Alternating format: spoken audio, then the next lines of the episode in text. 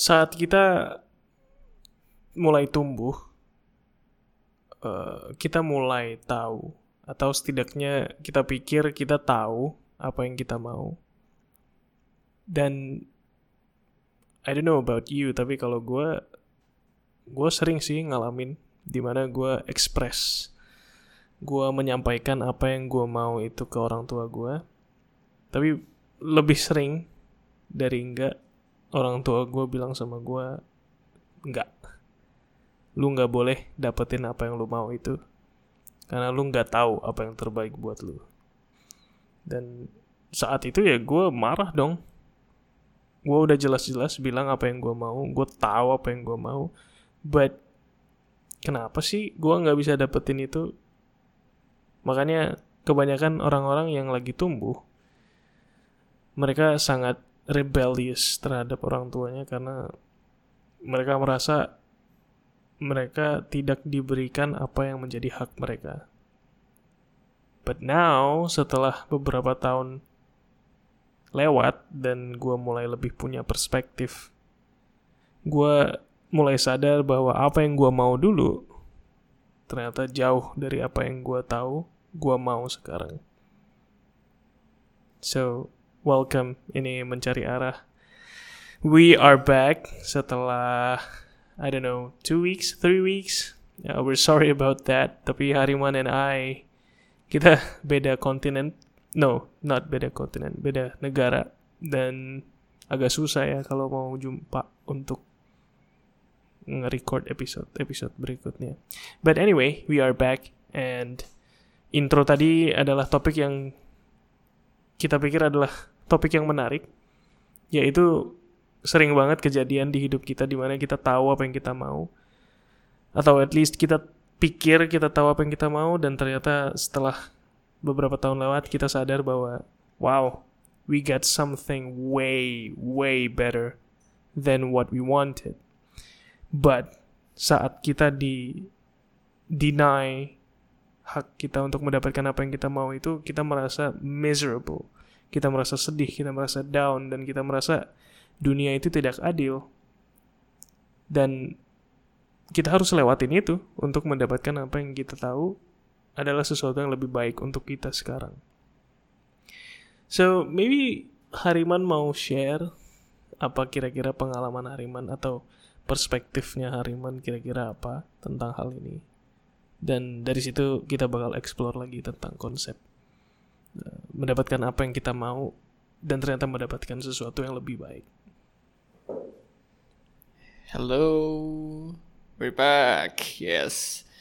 Oke, okay, uh, actually sebelum uh, kita proceed uh, dengan sharing ini, uh, mungkin gue bakal kasih kayak a little bit of kayak footnote dengan uh, ngomong kita mendap uh, kita kita mendap kita mau sesuatu tapi somehow kita sering kayak nggak nggak dapat sesuatu itu nggak berarti kita nggak boleh menginginkan sesuatu. So that's one thing to remember okay? So okay let's just uh, move on. So uh, you know kadang-kadang gue mikir sih di hidup gue yang selama 26 tahun ini kayak I've gone through a lot of things and I've wanted a lot of things but somehow kayak mayoritas loh mayoritas hal yang gue inginkan itu nggak menjadi kenyataan. Misalnya ya kayak masuk ke uni yang gue mau uh, some kayak reputable public universities in Singapore terus kayak dapetin job yang let's say awalnya gue mau di sini. Dan to be honest waktu hal itu terjadi it sucked man. Kayak it hurt a lot. Karena gue merasa di titik itu kayak gue udah I think kayak gue udah ngelakuin banyak hal gue udah ngelakuin usaha yang paling maksimal yang bisa gue usahain but somehow kayak kayak Tuhan itu masih nggak memberikan gue apa yang gue inginkan itu. Kayak gue juga berdoa untuk hal itu kayak setiap malam. But in the end kenapa gue masih nggak dikasih juga? Dan kayak eventually setelah jalanin hari-hari hanya dengan kayak menjalani hari-hari itu kayak dengan merasakan perasaan yang gue rasakan pada saat itu gue somehow diantarkan ke poin di mana gue menemukan sebuah pintu yang ternyata lebih baik. Dan gue baru realize hal itu ketika gue mendapatkan hal yang baru itu. Dan yang lucunya hal yang hal yang gue temukan itu adalah hal yang nggak pernah gue bayangkan sama sekali sebelumnya. Itu hal-hal yang benar-benar gue nggak expect gue bakal inginkan dan yang terakhir adalah hal-hal itu adalah ternyata hal-hal yang jauh lebih baik dan gue sendiri nggak pernah berpikir kalau gue itu deserve buat mendapatkan hal itu di hidup gue dan I think kayak life is funny you know. Sometimes kayak you want something then because kayak you think it's it's what's best for you but ternyata you don't know anything you, you know nothing about what's best for you. Yeah. I mean it's really tough right? Kayak jadi gimana dong kita cara hidup kayak gitu? Kayak kalau in the end emang ternyata hal-hal yang terbaik untuk kita adalah hal-hal yang kita nggak tahu sekarang then what can we do now? I think the answer is just to live like you said man kayak kalau emang kita nggak tahu apa yang bakal jadi terbaik buat kita nantinya ya ngapain kita pikirin?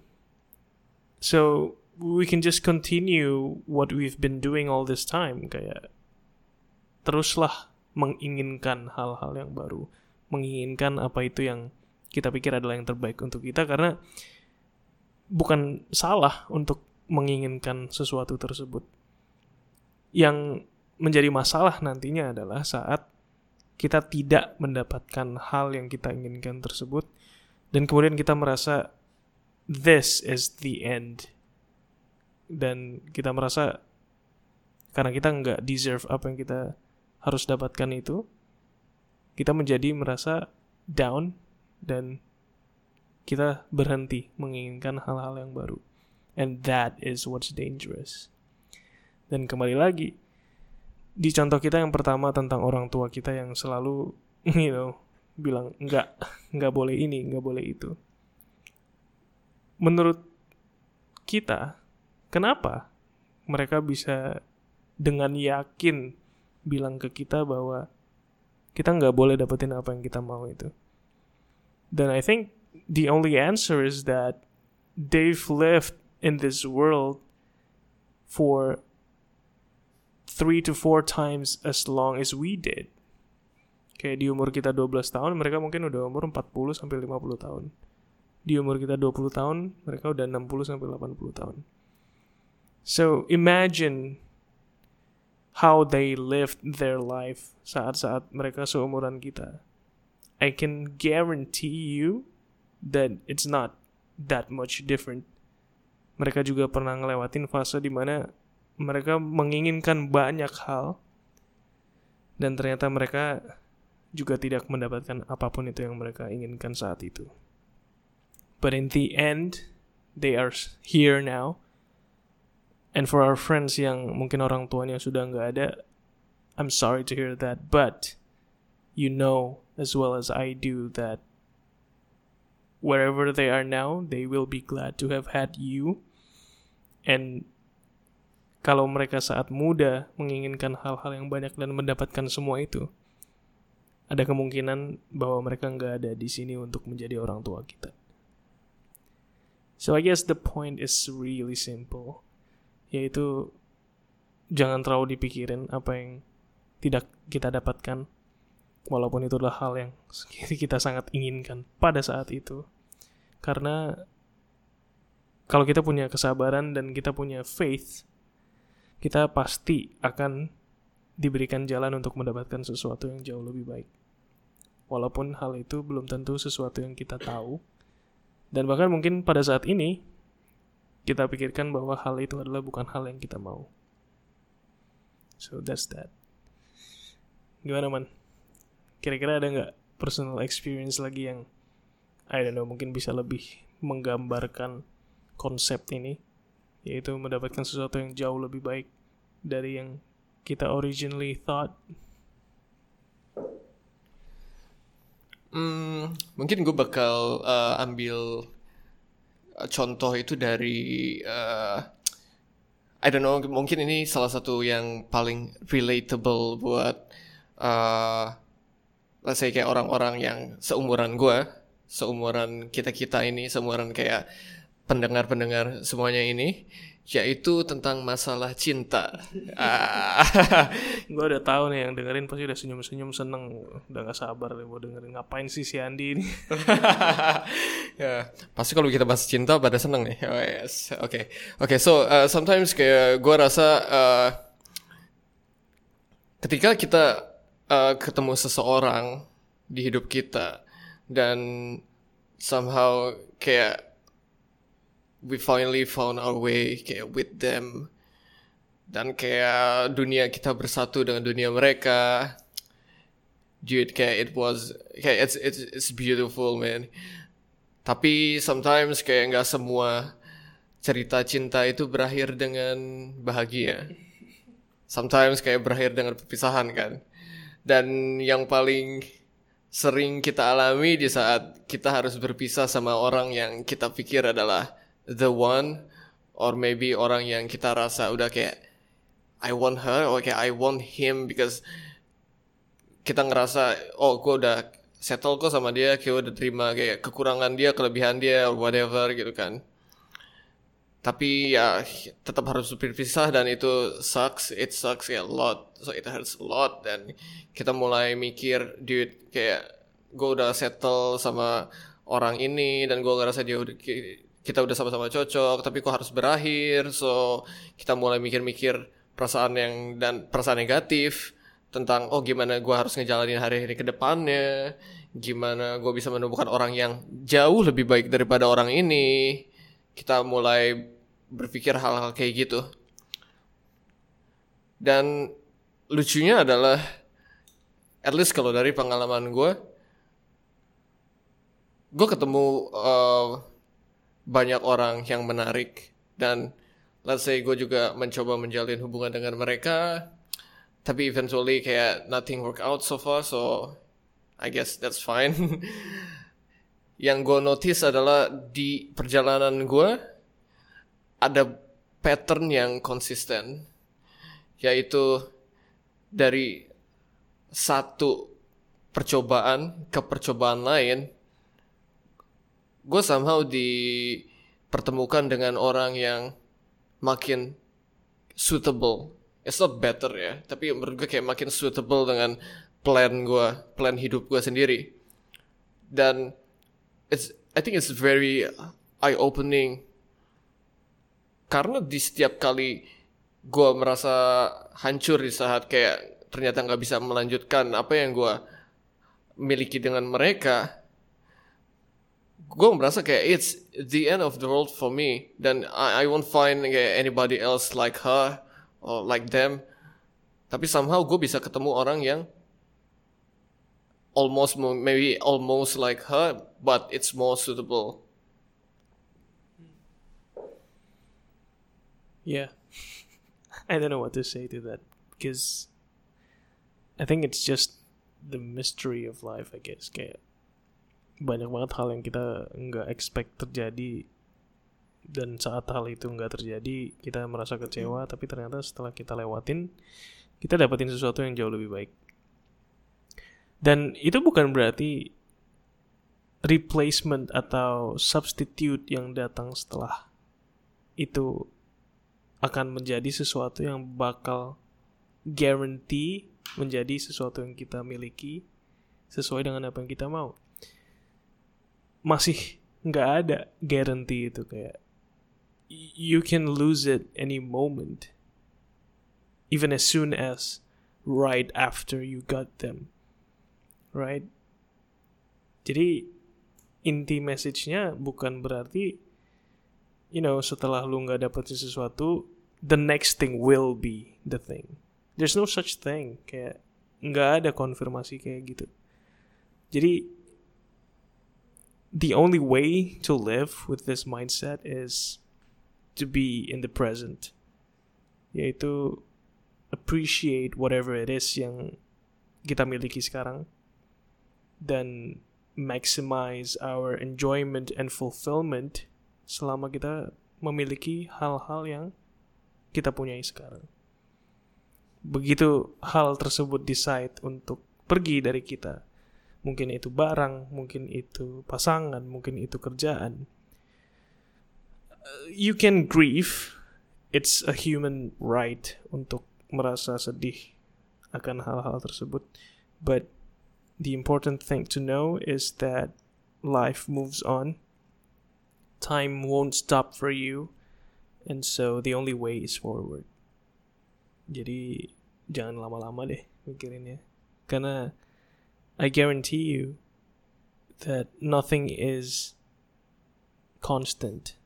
The only constant is change. So everything will change, but you'll still have yourself. So in the end, I think it's better to just be peaceful with what you are and whatever you have itu bakal menjadi hal yang bisa kita appreciate karena kita appreciate diri kita sendiri. Well, that's love. it's a great example. Thank you, man. Uh, the other thing yang mungkin relevan buat uh, grup-grup kayak kita adalah mungkin tentang kerjaan. Kayak this is gonna be my personal experience yaitu di mana gue udah in the market itu dari tahun lalu, yeah. So it's been a year now that I haven't really gotten a job now. I'm still jobless, unemployed. But you see, the journey is quite funny, really. Kayak setelah gue selesai dengan ujian gue yang terakhir, gue langsung dapat interview di salah satu company di Singapura. Uh, dan gue dapat offer dari company tersebut. But in the end, it didn't work out karena ya Singapura banyak lah uh, requirements yang harus di fulfill. But then at that point of time, the company and myself, we didn't have the right balance untuk bisa move forward with the opportunity. So I had to let that go. And then came a second opportunity, uh, dapat juga offernya. We actually tried for it, but it still didn't work out for various reasons. And then came another opportunity that didn't work out as well. So at that point of time, I was really, really tired of just waiting for things yang di luar kontrol gue. The reason why I was so tired is because there's nothing I can do. Kayak you're just supposed to wait and wait and hope for the best. And that's what I did. But still, the best won't come. Right? So, that's when I started to make peace with it. Kayak, ya udahlah, gue lepas. Uh, gue terima kenyataan bahwa mungkin memang belum da- bisa dapetin apa yang itu yang gue mau. So, I just did whatever it is that I could untuk improve myself or just explore new things. And then something happened. Gua ketemu sama orang yang punya studio di Singapura. Uh, gua diundang untuk visit studionya. Kita ngobrol. Dan dua minggu setelah gua ketemu dengan orang itu, kita record episode pertama di show baru gua yaitu tentang esports. Dan 6 bulan setelah kita mulai recording itu, sekarang gue lagi ngobrol sama investor yang ada kemungkinan bakal mau invest di gue untuk bikin company baru di Singapura. Untuk ngelakuin sesuatu yang gue enjoy ngerjain tiap hari, tanpa capek, tanpa ragu. And that is the most amazing thing that could happen to me. But how did I get here?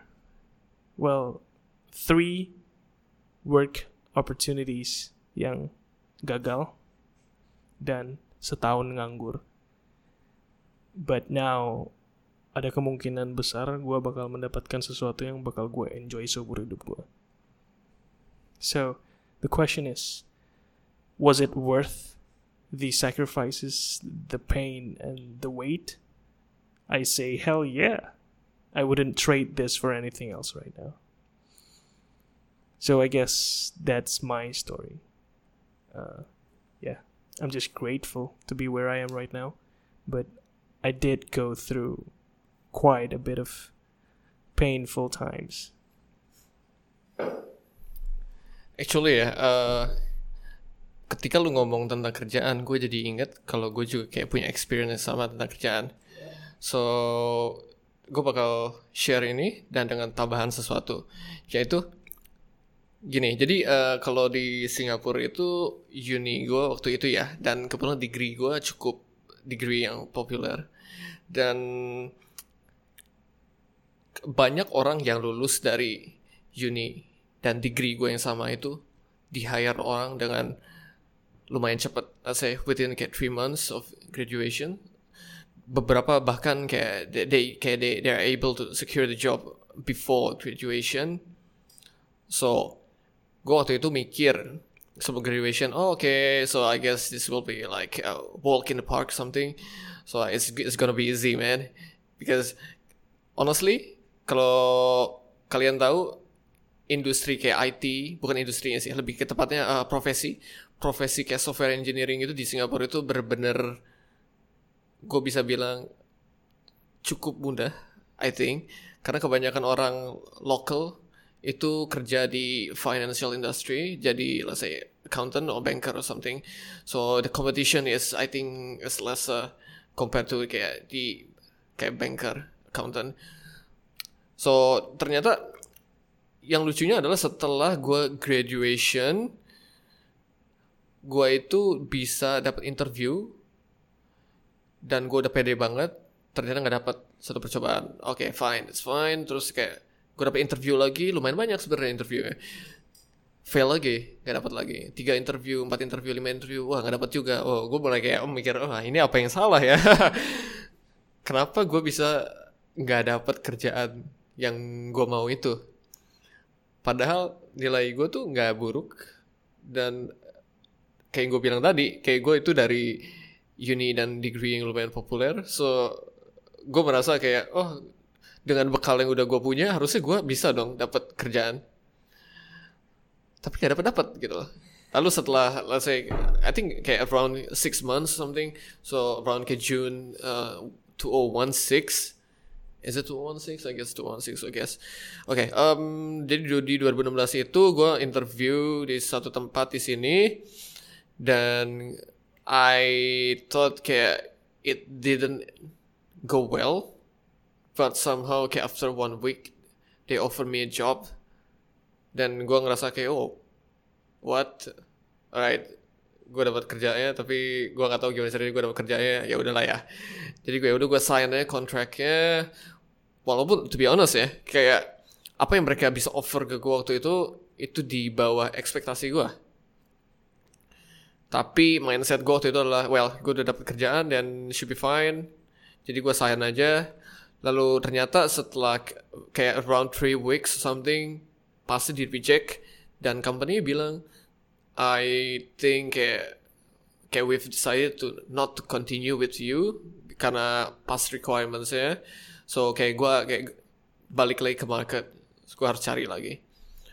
Lalu gue cari lagi selama enam bulan sampai akhirnya gue bisa ketemu kerjaan di tempat kerja gue sekarang yang I find it's much better kayak dan gue nggak merasa kayak gue deserve honestly but somehow gue di sini dan satu-satunya hal yang bisa gue lakukan adalah membuat gue deserve apa yang gue miliki sekarang dan ini poin pentingnya yang mau gue share.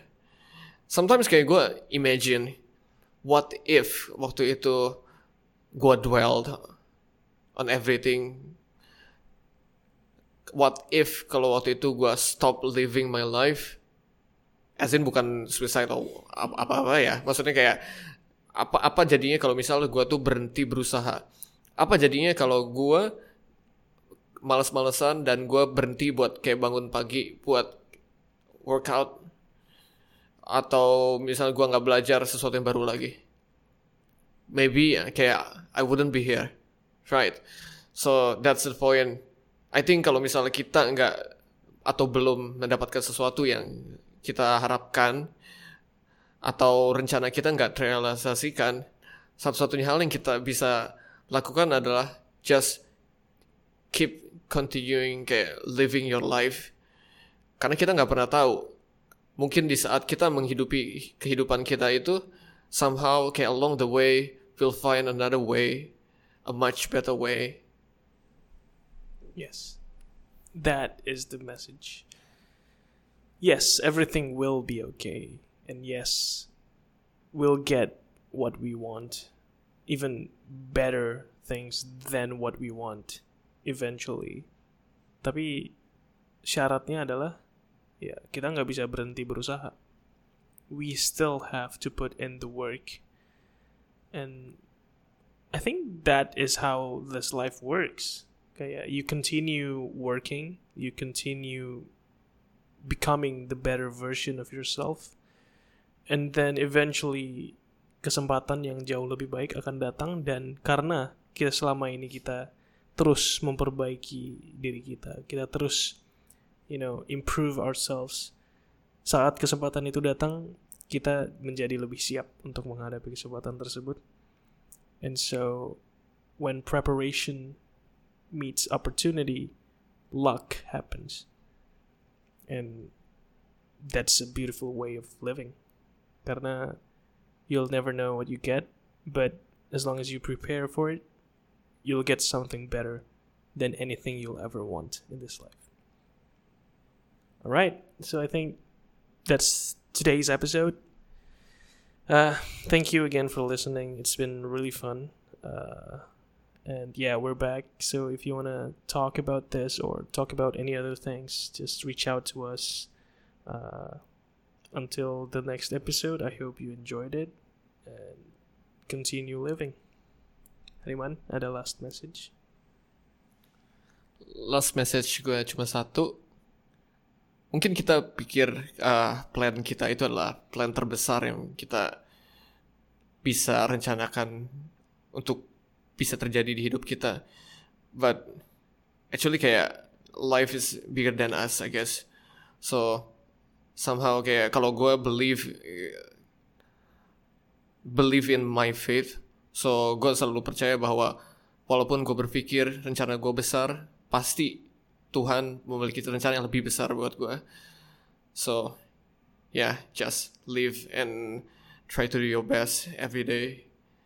And keep believing in what you're doing and believe in your faith kayak no matter how hard it is for you kayak even to to wake up every single day because I think kalau misalnya kita selalu hidup kita selalu menjalani hidup kita seberapapun itu one day kita bakal bangun dengan perasaan yang lebih lega dan kita sadar bahwa ternyata hidup yang kita miliki sekarang itu jauh lebih baik dan jauh lebih bermakna daripada hidup yang pernah kita rencanakan sebelumnya.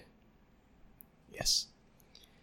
So continue working hard for whatever it is you want, and the universe will conspire to give you what you want. Thank you. This is where we'll end this episode, and we will see you in the next one. Bye.